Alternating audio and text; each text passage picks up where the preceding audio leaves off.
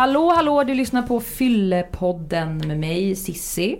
Anita. Och Bianca. Och vi eh, har gjort det här ett tag nu, vi kommer köra på ett tag till. Vi hoppas du uppskattar det. Följ oss gärna via hashtaggen Fyllepodden på Twitter till exempel. Skriv och tyck och tänk. Och gå in på IQ som är vår samarbetspartner i det här och testa dig själv. Hur dricker du om du dricker? Hur Kan du dricka mer smart? Kan du tänka över mer hur du dricker? Eller så kanske du är skitnöjd, vad vet jag. Idag hörni så ska vi prata lite om den eh, digita- molnet, den digitala världen. Många av oss, du och jag i alla fall Anita har ju bloggar. Mm. Du har ingen aktiv blogg? Nej. Nej. Eh, ville bara dubbelkolla eftersom du startade den igår eller någonting. Och vi har ju båda fastnat i det dilemma tror jag, eller jag har i alla fall gjort det, att man blir erbjuden att skriva om alkohol i sin blogg mot pengar. Eller att man då säger, ja ah, vi skickar hem en låda vin till dig. Om Vadå, du hur mycket kan man få för det? Jag är så jäkla nyfiken. Nej men alltså det sjukaste som jag vet är så här när en bu- budfirma ringer och säger så här, Hej det kommer ett bud klockan två, kan du vara hemma då? Man, Nej det kan man inte, vad är det i budet? Nej men det är en jätterolig överraskning. Eh, ja fast jag vill veta vad det är för överraskning jag får. En kattunge! Ja och sen så är plötsligt Även fast man sagt så här, jag vill inte ha det här budet så kan det stå en låda utanför med en pava vin och lite, lite goda ostar och så vill de och så står det en liten fin hashtag eller någonting som man ska lägga upp. Och jag kan bli så otroligt provocerad utav det. För så här, nummer ett, jag har verkligen sagt att jag inte vill ha det. Nummer två, nu har jag fått det här och nu blir jag inte riktigt av med det, vad jag gör med det. Och så- då står du i tacksamhetsskuld Ja, eller? precis. också så här- trip lite. Exakt, om jag inte lägger upp det så har också företaget av sig, eh, de som alltså egentligen har skickat ut det här, inte budfirman då, och frågar om jag tyckte det var gott, om jag har lust att lägga upp någon bild på bloggen eller vad jag ska göra. Jag skulle kunna göra det här på riktigt en gång i veckan om, jag, om jag gjorde det. Nu är jag ju som sagt på smällen så nu får jag inte så mycket sånt. Ja, för jag bloggar ju på mamma. Så att det är bara. Men eh, innan så har jag definitivt fått det. Och det som du säger, de ringer. Det är inte så att man får en fråga. Hej, skulle du, det händer ju också, men skulle du vilja testa det här vinet eller den här nya spritsen eller vad det nu kan vara. Och mot att, eh, ja. Du gör det här för oss och så får du pengar och eller det här. Utan det bara kommer. Det kan vara så här pling plong så står de där med någon låda precis. Och så är det så här, vad, det blir väldigt, eh, vad ska man säga, det blir väldigt svårt för många tror jag. Framförallt om man vill kunna leva lite på sin blogg och, eller på något sätt kunna tjäna lite pengar på den som sagt. Att det blir lockande Ja, att, att det är eh, svårt att säga såhär, nej, även om det inte känns bra. För att det man gör är ju också att man, alla får göra som de vill. Precis, Men alla man bid- ju ändå. Så att... Man bidrar ju på något sätt till, till någonting som man kanske inte vill bidra till. Ja, men det jag funderar på väldigt mycket sen, i alla fall också framförallt sen vi började med den här podden. Det är ju så här, vad vill jag signalera? Alltså jag, det jag sänder ut, det upplevs jag ju sällan som. Så är det ju. Alltså du säger ju att du läser eh, ledarsidan i DN, men oftare läser du klick. Alltså lite så är det ju. Du Nej, kanske jag vill förstår inte vad du menar. Jag läser Nej. Nej. jag skojar. Men vad, men vad menar du Nej men att... alltså om jag tänker så här, men jag är, ju, jag är ju en ansvarsfull person, jag är ju 36 år. Så när jag tänker att jag lägger upp en bild på en flaska vin, då tänker jag att alla vet ju att jag är 36 år och tvåbarnsmamma och jätteansvarstagande. Men jag är ju jättemånga som är under 21 som läser min blogg. Och för dem blir ju då det här livet jag lever ganska så här glamoröst. Och det är ju kanske inte alls som jag tänker när jag lägger upp den här flaskan vin. Utan Nej. mer så här, åh nu ska vi ha lite mysigt på fredag kväll. Men precis, man fastnar lätt i sin eh, sfär. Och vi ska, vi ska prata om det här idag med en person som har gjort en väldigt spännande resa. Ja. Från att ha varit ute och festat, började till och med när hon var, ja, innan hon ens fyllde tonåring, sexan. Just det, hon var Och, 11 år. Ja, och började nafsa i alla fall i den här alkoholsfären. Eh, till att ha, jag ska inte säga för mycket för hon ska få berätta själv, men till att ha lagt om sin livsstil helt och vunnit någonting på det kan man säga.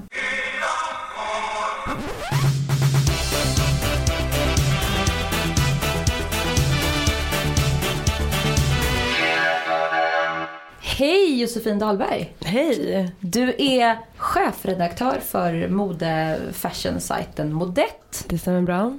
Och eh, alla kanske inte vet vem du är, men du har skrivit väldigt eh, intressanta blogginlägg om just alkohol. Exakt. Vill du berätta lite om vad, vad du har skrivit och varför? Absolut. Eh, Jag har skrivit eh, ett par blogginlägg om att jag inte dricker alkohol. Och att jag har varit nykter i eh, fyra och ett halvt år nu. Oj, Mm. ett år. Eller hur? Visst är det mycket? Det är helt sjukt. Jag kan inte heller fatta. Jag, jag, bara, har jag var räknat fel? Ehm, ja, det har jag skrivit om och det har blivit en väldigt, jag tror så här också, jag är inne i branschen, i media, eh, hänger väl runt på en del fester och mingel och sådär och man tar väl lite för givet att jag också ska kröka liksom för att jag är i den här branschen och då blev det kanske lite extra mycket uppmärksamhet kring det för att jag liksom gick ut och bara, nej men jag är en nykterist liksom. Vad var det, om vi, om vi tar det från början. Ja. Vad var det som fick dig att först bestämma dig för att sluta och sen berätta om det? Så öppet. Ehm, varför jag slutade dricka har ju varit en väldigt lång process. Det var ju liksom inte en händelse och sen bestämde jag mig. Utan egentligen har det varit sedan jag började dricka, alltså på högstadiet tillsammans med mina kompisar. Så jag reagerade mycket, eller mer annorlunda än alla andra. Förlåt, jag måste bara fråga. Jag läste att du började dricka så, him- så supertidigt. Alltså när du var När jag gick i 11 sexan. i 12 var man väl då. Ja. Ja. Men jag vet inte, jag hade två äldre syrror så att jag ville alltid vara som dem. De var fyra och fem år äldre än jag. Jag försökte Ja. vara med på deras fester. Jag hade bara äldre kompisar. Jag kom ut från Dalarna vilket är en liten, väldigt, en väldigt liten ort och där är man kompis lite med, nästan med alla som går på, i skolan. Ja, jag måste bara säga, jag är från Strömstad och där, Ja. jag tror första gången jag var full var skolavslutningen när jag var 13. Så att Ja. man dricker nog tidigare ute i landet. Ja, jag tror det ja. också. Ehm, så att, ja, jo men det var ju tidigt. Ehm, och där var det ganska snabbt så här, märkte vi att jag reagerade mer, eller väldigt annorlunda än mina andra kompisar. Det blev alltid jag som var fullast på festen. Alltid jag som blev jättekonstig när jag fick alkohol i kroppen. Skulle Vad hände då? då? Nej men alltså totalt drama queen. Alltså jag spelade död för att få uppmärksamhet. Förlåt, Jag. För du la dig ner på vägen och såhär, jag är död. Nej men alltså ja, för jag, alltså jag hade väldigt, jag mådde väldigt dåligt och jag hade haft ifrån den förhåll, eller familjen jag kommer ifrån hade jag fått väldigt lite plats för det var många sjuka runt omkring mig. Så jag trodde väl att för att jag ska få riktig kärlek så måste jag må dåligt då. Ja. Eh, sökte bekräftelse och det tog jag liksom på sin spets när jag fick alkohol i kroppen. Så jag kunde verkligen lägga mig som du säger och så här och då liksom låg jag, Jossan, hur är det imorgon? Då låg jag där och njöt liksom. Och höll andan. Ja men typ försökte och så här, det, de puttade på mig och allting. Det här hände ju inte en gång, det här var flera gånger. En gång hamnade jag på sjukhus till och med men i alla fall. Eh, så att det var liksom inget det var ingen som kunde undgå att jag blev konstig när jag drack. Det var ganska uppenbart som ni hör. Och det här blev ju bara, bara värre med tiden. Sen började jag söka hjälp när jag var 17-18, gå hos alkoholterapeuter, jag fick Oj. Kampral, de erbjöd mig. Det som är väldigt intressant är att de var aldrig så här: du kan nog inte dricka alkohol utan det var så här, hmm, hur ska vi få dig att kunna dricka normalt? Du kan ta Kampral, Kampral så att du inte kickar på alkohol eller det minskar också suget. Du kanske ska börja med Antabus, antidepressiva. Men vad var det som hade hänt då som hade Mm. fått dig att hamna där? allt ifrån de här händelserna till att speciellt den här inre känslan av att varenda gång jag dricker så gör jag fel. Jag hamnar med fel kille, jag eh, är taskig mot fel kompis, jag vaknar upp på fel ställe. Alla de här grejerna som är inte liksom livsavgörande hemska saker så men den här känslan inom en att så här, fan ikväll ska jag visa att jag kan kröka normalt, min mamma ska inte behöva bli väckt och hämta mig mitt i natten. Jag ska inte liksom ha, stå där och låtsas hoppa ut från det här fönstret och ha liksom all uppmärksamhet. Men det är som att du varje gång, det, det var som att du pushade gränserna mer och mer. Ja men exakt, säga. exakt. Och då blir det ju den här inombordskänslan av att så här, fan det är ju något extremt fel på mig. Jag kan ju inte, vad fan det är ju jag som dricker, det är ingen som tvingar mig. Snarare mina kompisar säger ta det lugnt, vi gjorde upp regler. Alltså jag får bara köpa öl när Katta köper för hon blir aldrig lika full som jag. Eller jag ska bara göra det, de skulle handla om mitt kontokort men jag sket i det. Slagit till mina kompisar, det spelar absolut ingen roll. Eh, så att jag blev liksom, vad fan det är ju något stort fel på mig. Att jag inte kan bestämma. Jag har ingen kontroll över mig själv när jag har alkohol i kroppen. Och när jag vaknar upp dagen efter så är det ångestgrande liksom. Och vill bara supa till för att slippa den ångesten. Så man Men hade du hamnat på, det. Maria Pool eller något sånt där? Så att... Nej, jag hamnade på sjukan en gång. Eh, och där, det var en så här spela död incident som jag drog till liksom sin spets. Eh, men sen så, eh, jag, var, ja, jag vaknade upp där, jag hade jättemycket promille- promille dagen efter, ville i princip bara, hej jag behöver gå. Och de fick blåsa, de höll kvar mig där. Och försökte också så med olika, någon psykolog där som jag hade flera möten med den dagen och sådär. Men så här, man, är, man är expert på att ljuga och så här, sig ur situationer. Och, med vad Och vad är en lögn då? Hur, hur kan det låta? Nej men allt ifrån att då var jag ju såhär, jag har blivit drogad. Alltså det var min, min grej den kvällen. Så här, jag har blivit drogad, jag blev, för jag var ju jätteaggressiv när jag kom till sjukhus. De fick spärra in alla mina grej, värdegrejer, ta av mig mina Hur gammal var du då? smycken. Då var jag 19. Eh, men och då var jag såhär, när jag blivit drogad, jag har aldrig reagerat så här på alkohol förut. Satt jag ju där och sa, för de hade ju inte träffat mig förut. Och då var de så här, hm, nej vi tror inte det och det är inte så vanligt att man blir drogad och då reagerar man inte på det här sättet. Jag försökte så här hela tiden. Och till slut var de så här, vad fan ska vi göra? Det var inte att jag hade tagit droger och att de kunde spärra in mig för det liksom. Eh, så att jag fick ju gå därifrån sen, eh, lite senare på eftermiddagen. Men så där har jag varit, men sen annars när jag var ute, det var ju så här, jag var, blev ju alltid utslängd. Jag var ju typ portad från vissa ställen för att jag så här, Alltså, och jag kan skratta åt det nu. Ja, men precis. nu kan jag skratta åt det. Alltså, och det måste jag ju kunna göra. Ja. Andra, vad fan, alltså, jag mår verkligen superbra idag och måste kunna garva. Men det, jag måste även också kunna se på det så här, hur det verkligen var. För annars kan jag ju trilla dit och börja kröka igen. Hur kom du fram till beslutet att du skulle sluta dricka? Det var faktiskt ingen, alltså sista kvällen jag drack var inte den hemskaste kvällen. Det var inte när jag vaknade upp på sjukhus eller när jag vaknade upp i en trappuppgång utanför en kille som inte ville släppa in mig. Alltså det var inte de gångerna. Det var en ganska vanlig kväll där jag fick komma hem till den här killen som annars var så här: du får inte höra om när du är packad som jag typ terroriserade liksom. Men fram tills dess hade jag ju gått hos alkoholterapeuterna flera olika under två år och liksom och och sen så även börjat söka annan hjälp. Men hade, ville verkligen inte.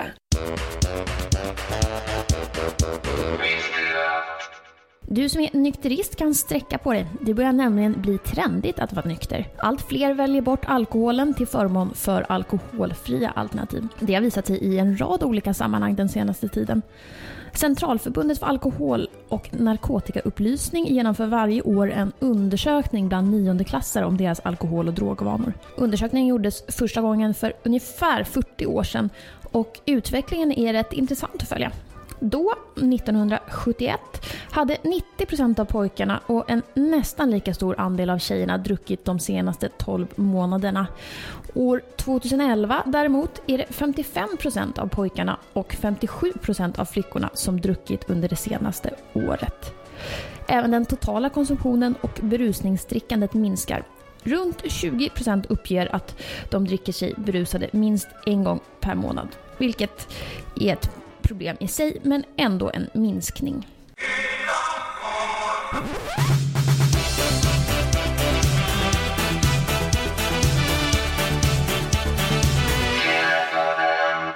När du slutade dricka för fyra och ett halvt år sedan nu, så började din karriär ta fart. Ja. Be- Berätta lite om det. Nej men jag levde i det här liksom, var ute fyra dagar i veckan. Jag kom ut från Dalarna som jag sa, så när jag flyttade in till stan, det var skithäftigt med alla ställen. Att jag, lilla jag, liksom lärde känna folk, började stå på listan, få gratis sprit. Och Hur gammal här- var du då? 18 när jag började gå ut, så det här var ju när jag var 18 och 20. Den karriären jobbade jag också jävligt hårt på. Och det var ju skitviktigt tyckte jag. Så här, jag måste- Networking. Ja, alltså det var ju mitt liksom viktigaste att få gå till de här ställena, få komma in gratis, få göra det här. Jag tyckte det var superviktigt. Men så att jag, jag var ju ute alltså, även om jag hade feber, bara, det är ju fan viktigt, jag måste ju liksom vara där. Eh, så att, och där trodde jag så här, genom att jag gör det här kommer jag få kontakter i media, modebranschen och börja jobba med det jag verkligen vill. Är det inte så då? Nej, inte för mig. Vad fan, det var ju ingen som tog mig på allvar när jag var ute. Alltså jag kunde knappt stå eller prata liksom. Så Nej, det var inte det. speciellt smart drag för mig. Eh, blev liksom utslängd och mer så här, oj vem är... Och när jag berättade för mina kompisar och de liksom fyllde polarna att så här, jag ska börja plugga, det kommit in på journalist och multimediehögskolan. De bara började asgarva och bara va? Fy fan ska du börja? Lycka till! Och där kände jag så här, va? Jag är ju så här, jag är en snäll ambitiös tjej som, jag vet precis vad jag vill göra i livet. Men det blir, råkar bara alltid bli fel för just mig för att jag är mest olycksdrabbade människan i hela världen. Så kände jag då.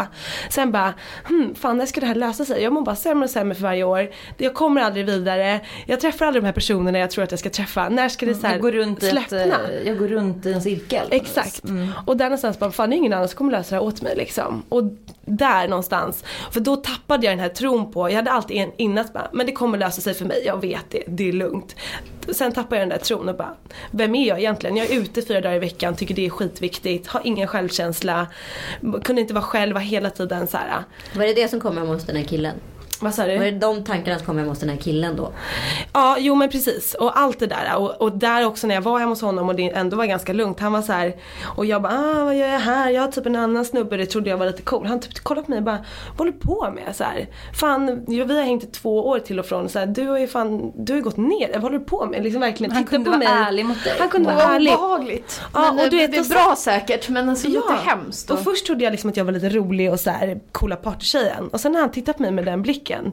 Så bara kunde, såg jag nästan mig själv med hans ögon och bara, ja, vad fan Men det håller är jag på häftigt med? med den historien för jag, jag ska inte hijacka det här nu men jag var med om en liknande jag, jag har väldigt mycket identifikation i gästerna, det kanske ni också känner. Att vi, det, vi, vi människor är ganska lika. Nej men om man är tjej och ung och så här, ser bra ut och är framåt social och så här, Då är det så lätt att folk liksom går på den här myten som man själv har gått på om sig själv. Förstår Ja. ni? Ja, den här myten som man har byggt upp kring sig själv. Att man är eh, coola, härliga, charmiga, quirky tjejen hela dagen. Och sen träffar man en person, det kan vara någon man har en kärleksrelation med eller kan vara en kompis eller någon annan. Som bara ser igenom en. Och det var jag också med om och så här, eh, en, en kille också i det här fallet som sen bara blev en kompis. Men som var så total, han var kanske 7-8 år äldre och var helt Exakt, så här, exakt. oimponerad av ja, men han tyckte ju att jag var liksom ett vrak. Men ändå inte det här lilla gumman utan bara, Nej, bara- jag ser, och han hade väl haft liknande historik. Så att har man tur så träffar man en sån människa som på något sätt som du säger, man speglar sig själv i den personen. Ja. Det Ja, det var väldigt, väldigt viktigt för mig. För ja, alltså det var liksom verkligen inte så en händelse, oj nu blev det för mycket, alltså sådana händelser har jag hur många som helst. Men det var liksom inre känslan av att säga, vad fan, nej vad, vad har det blivit av mig liksom. Och där någonstans så föll verkligen tro, eh, polletten ner, mm, liksom väldigt fram och tillbaka så. Men då började jag i alla fall högstad, eller högskolan, eh, journalistik och multimedia. Läste den i tre år. Eh, skaffade mig praktik under tiden. Men hade du slutat, jag måste bara Ja. så jag förstår kronologin här. Hade du slutat dricka då? Gjorde Ja, du det? alltså Alltså, jag krökade, vi skulle ha liksom inspark man ska säga. Då höll jag mig nykter till klockan 12, så ringde jag min mamma och min syrra och bara jag kommer dricka för att alltså, jag är bara 20 år, nu börjar jag en ny klass, alla dricker, jag är skitkonstig som inte dricker och de bara nej vi kommer hämta dig. Jag bara nu kommer jag och sen gick jag och beställde en ölkanna, söpte i mig den så bara ja då är vi på gång. Drog in klassen till solidaritet, jag blev utslängd, hade lovat så sängplatser hos mig till kompisar som inte hade flyttat till Stockholm än. Ja men du vet kaoset liksom, som alltid. Och sen krökade jag tre, två dagar efter det och sen var det sista. Så sen var, blev jag nykter i precis första veckan i skolan. Men hade du svårt att ta, att ta det steget? Ja, alltså jag tampades ju med det där. Jag hade ju försökt tidigare liksom, hur länge som helst. Så att jag det var ingen som trodde på mig heller att den här gången så skulle jag hålla i det liksom. Och eh, min mamma och min familj de har ju försökt också men väldigt, väldigt mycket med mig. Eh, och vi har haft väldigt mycket alkoholism i familjen. Och det är ju genetiskt och det är så här, jag har det ju i mig och det visste vi redan när jag var så här 12-13 och började dricka för att jag flippade ju på en gång liksom. Ja, för det låter nästan så som, att, som klassiskt alkoholistbeteende och att du hittade det tidigare än någon annan. Sådär. Men det brukar ju folk beskriva om man säger, inte att vi ska klassa dig som alkoholist, men när man får den här problematiska relationen att det är någon kärlek för första... Ögonkastet. Ja men att vissa kanske har så här. Ja okej nu måste jag dricka för att mina kompisar dricker. Det var ganska Mm. äckligt och så. Medan Medan jag bara, okej i helgen krökar vi, såg till typ ja, men att det vi var fick din, det krök, blev din liksom. stora kärlek Mm, på det, något det, vis. så här, vi pratade med det. Sanna Lundell tidigare och hon har, nämnde så här tydliga eh, tecken. Och det är bland annat de som alltid ser till att alla har i glasen och är väldigt fokuserade på att alla är glada och nöjda och att det är fullt i glasen. Exakt. Den personen. Ja. Men vad, vad hände med din karriär då? Från att du slutade dricka, hur snabbt gick det och hur, hur såg det ut där? Nej men det här var ju, jag började som sagt skolan precis samtidigt som jag slutade dricka för fyra och ett halvt år sedan. Och under, det var ju skitjobbigt, det var inte så här, woho nu är jag nykter. Alltså det var ju, och jag gick ut, alltså fortsatte ju gå ut tre, fyra dagar i veckan den vår, första våren för att bevisa till mina så här, polare ute på krogen att jag fortfarande är en rolig tjej. Men jag stod ju där och bara liksom tyckte det var så jobbigt. Sen så bara, okej men det kanske inte är här som jag behöver spendera all min tid. Det här kanske inte är så viktigt. Så började jag gå ut mindre och mindre och nu går jag ut med mina riktiga tjejkompisar och käkar middagar. Vi kan gå ut, ibland är jag ute och dansar till fem också om jag har mycket energi. Men när jag är trött då går jag hem vid två och sen så här vaknar jag upp dagen efter pigg, härlig och käkar en skön frulle typ. Det här med karriären då, för att Mm. jag tror precis som du sa att jag kan känna igen mig i det också. Att man flyttar till Stockholm från en Mm. mindre ort eller så. Ehm, man, man får för sig att det här utelivet är det sanna elementet för att hitta så här. Och någon kommer, bli, någon kommer upptäcka mig här nu på Mm. dansgolvet här. Eller någon kommer se, det har aldrig hänt mig. Det har aldrig hänt någon jag känner överhuvudtaget. Det händer liksom i någon tv-serie kanske. Någon. Exakt. Och att man går på det där och sen så inser man, eh, man är lite trög, så inser man att nej, men det kanske inte är där jag ska börja. Nej. Om man tittar på folk som verkligen har gjort karriär och Mm. jobbar, alltså har den typen av historik. De har ju jobbat arslet Mm. av sig och då finns det ju inte tid. Sen finns det ju vissa som så har glidit ändå för Ja, ja, att man kan det. Men, men de flesta som har gjort någon form av resa, succéresa har ju verkligen så här varit jättedisciplinerade. Mm. När förstod du det? Att oj, det är nu jag kan börja skörda var- den här frukten? Det var nog under mitt första år på högskolan. Då, var jag, då gjorde jag, då liksom, jag jobbade extra i någon klädbutik och pluggade och hade full fokus på att liksom klara av skolan. Jag fick liksom, jag blev godkänd i alla ämnen. Jag fick inte, var inte bäst i klassen men jag var bara nöjd med att jag hade kommit in och bara kämpade med de här tentorna och allting. Men sen andra året så fick jag, gled jag in och blev, eh, jobbade med Sofies modes sommarturné och jobbade lite med Sofie och liksom bara gud det här är så kul. Jag hade ju läst bloggar i flera år och modemagasin Det var och din drömt. stora Ja men det, jag ville ju in i den branschen liksom. Och så fick jag smaka på det lite och då ville jag ju ha mer så att jag hörde av mig till Aftonbladet för jag göra mode-tv från eh, Fashion Week, för jag göra det här. Alltså jag hörde av mig till väldigt många, jag hade eh, mycket sidoprojekt, startade upp en egen webbsida när jag lärde mig koda i, i högskolan. Och liksom underhöll den och gjorde intervjuer och hela tiden låg på och så här, utvecklade mig liksom. Eh, och då kände jag ju bara, gud vilken mycket, vad mycket energi jag har att lägga på det här när jag inte behöver vara ute och kröka eller ha ångest eller För att i och med den dagen jag blev nykter kan jag säga att min ångest Alltså jag har nästan knappt haft ångest sen dess. Jag kunde ju vakna med panikångest mitt i nätterna och allting. Men, Så att jag hade ju en helt ny eh, energi att kunna fokusera på liksom. Och, och då var det ju eh, liksom ganska naturligt under skolanperioden att jag gjorde det på karriären. Eh, och många bäckar små liksom. Att så här, ja, men någon, något sommarjobb där och någon praktikplats där gjorde att jag ändå kunde bygga på mitt CV. Liksom. Men, men kan, förlåt, nu låter det här väldigt stereotypt och det är inte riktigt så Mm. jag vill. Men bara för att formulera det. Kan missbruk byta plats? Förstår Absolut. du? Så att eh, från ett eventuellt alkoholberoende så blev Mm. du lite arbetsberoende. Ja, jo men det har jag nog snarare blivit nu. Alltså då när jag pluggade så kunde jag inte jobba liksom för mycket. Men då var jag, först när jag blev nykter så då blev det full fokus på maten. Alltså jag tappade jättemycket i vikt första halvåret året. Och det tror jag är väldigt vanligt som tjej också. Eh, Just med alltså, de problemen vi har i samhället. Nu är jag absolut inte där. Men det var mitt första. Och Det är sen en massa så... energi som man måste leda in på något Ja, annat. så. exakt. Ja men jag visste ju inte och jag ville ha, en- jag behövde ju liksom någonting att bara hetsa upp mig över. Alltså just för Du alkoholen. projekt. Exakt och alkoholen hade ju varit mitt den här ständiga så här, kärleken, olyckliga kärleken. Jag hade verkligen, alltså jag bara säger jag kan inte leva utan den men jag kan inte leva med den liksom. Så den, precis, energin lades på först maten och sen så som du var inne på, mycket på jobbet. Där- Men det är ju inget, det är inget negativt missbruk. Det är ju bara, det är bara intressant Mm. att det är så här. Ja, det finns lika mycket representanter på parkbänkarna som det finns i, liksom, i chefspositioner. Alltså för att man Mm. Kan ju byta, man kan ju för, vi, alla behöver ju inte hamna där utan man Nej. kan ju förvalta den energin och göra något bra utav det. Exakt, Precis. absolut. Den nyktra trenden gäller inte bara niondeklassare. Även Systembolaget märker av förändringen och söker febrilt att förändra sitt sortiment. Försäljningen av alkoholfritt under andra kvartalet år 2011 var 23,2% högre än för motsvarande period året innan. Det är ju inte jämförbart med de försäljningsvolymer som vin och sprit och öl når, men är ändå intressant med tanke på att det handlar om just Systembolaget.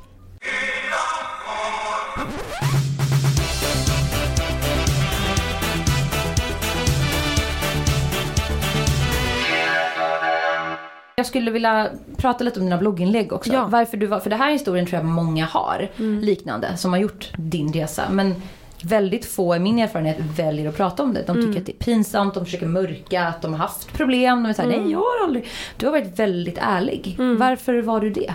Eller är du det? Ehm, från början hade jag ingen tanke på att, jag visste att jag ville skriva en bok någon gång. Ehm, inte liksom om mig själv men om problem, om alkohol.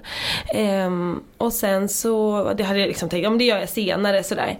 Sen var det min förra, jag jobbade på Chic, ett modemagasin tidigare. Och där min chefredaktör Charlotta Flinkenberg, som jag kände privat som vi hade jobbat ihop, visste ju om min story. Så hon frågade mig i våras så här, vill, vi har ett, eh, några uppslag i slutet av varje nummer som vi berättar om någonting annat än perioder vid väl, något livsval liksom. Och jag undrar om du vill dela din historia. Först var jag såhär, ja, jag blev lite obekväm. Bara, ska, ska jag gå ut med det här och berätta om det? Men sen blev jag så här, vad fan! Här har jag en chans att så här, kunna inspirera och bryta den här äh, bilden av alkohol och alkoholism som vi har. Och att man ska inte behöva skämmas över att jag har inte valt att, äh, att vara så här. Äh. Och alkoholism är som, vi måste liksom förstå att det är som vilken sjukdom som helst. Det kan drabba vem som helst oavsett så här, kön, ålder, eh, klass. Det är liksom vem som helst. Sen så Mm. kan man utveckla det olika. Och då kände jag bara så här: nej här måste jag ju faktiskt kunna göra det lilla jag kan liksom. Och då ställde du upp på det? så då ställde jag upp på det. Vad fick du för reaktioner? Väldigt mycket. Nyhetsmorgon ringde, många andra tidningar ville göra intervjuer. Jag gjorde en eh, krönika på Nyhet 24 som tillhörde mitt jobb, Nyhet 24-gruppen. Eh, ett längre, väldigt långt blogginlägg som också blev så här superdelat, superläst. Jättemånga mejl av unga tjejer som bara “jag trodde att jag var ensam, du liksom tar orden, det här är precis det som jag velat få ner på papper men jag har inte förstått vad det är för fel på mig”. Och där kände jag bara så här: det är så många som har det här problemet och det är liksom ett av samhällets största problem i alkoholism och vi pratar inte om det för det är så skuldbelagt. Och om jag kan, jag känner mig ändå ganska säker, jag hade varit nykter i fyra år när jag gick ut med det här. Och det var väldigt viktigt för mig också att vara det. Och vara där att så här, ja det här är mitt nya livs... ehm, ja, så att då kände Ditt jag... nya, ja men du, precis, du var, helt, du var transparent där med vem du är. Exakt.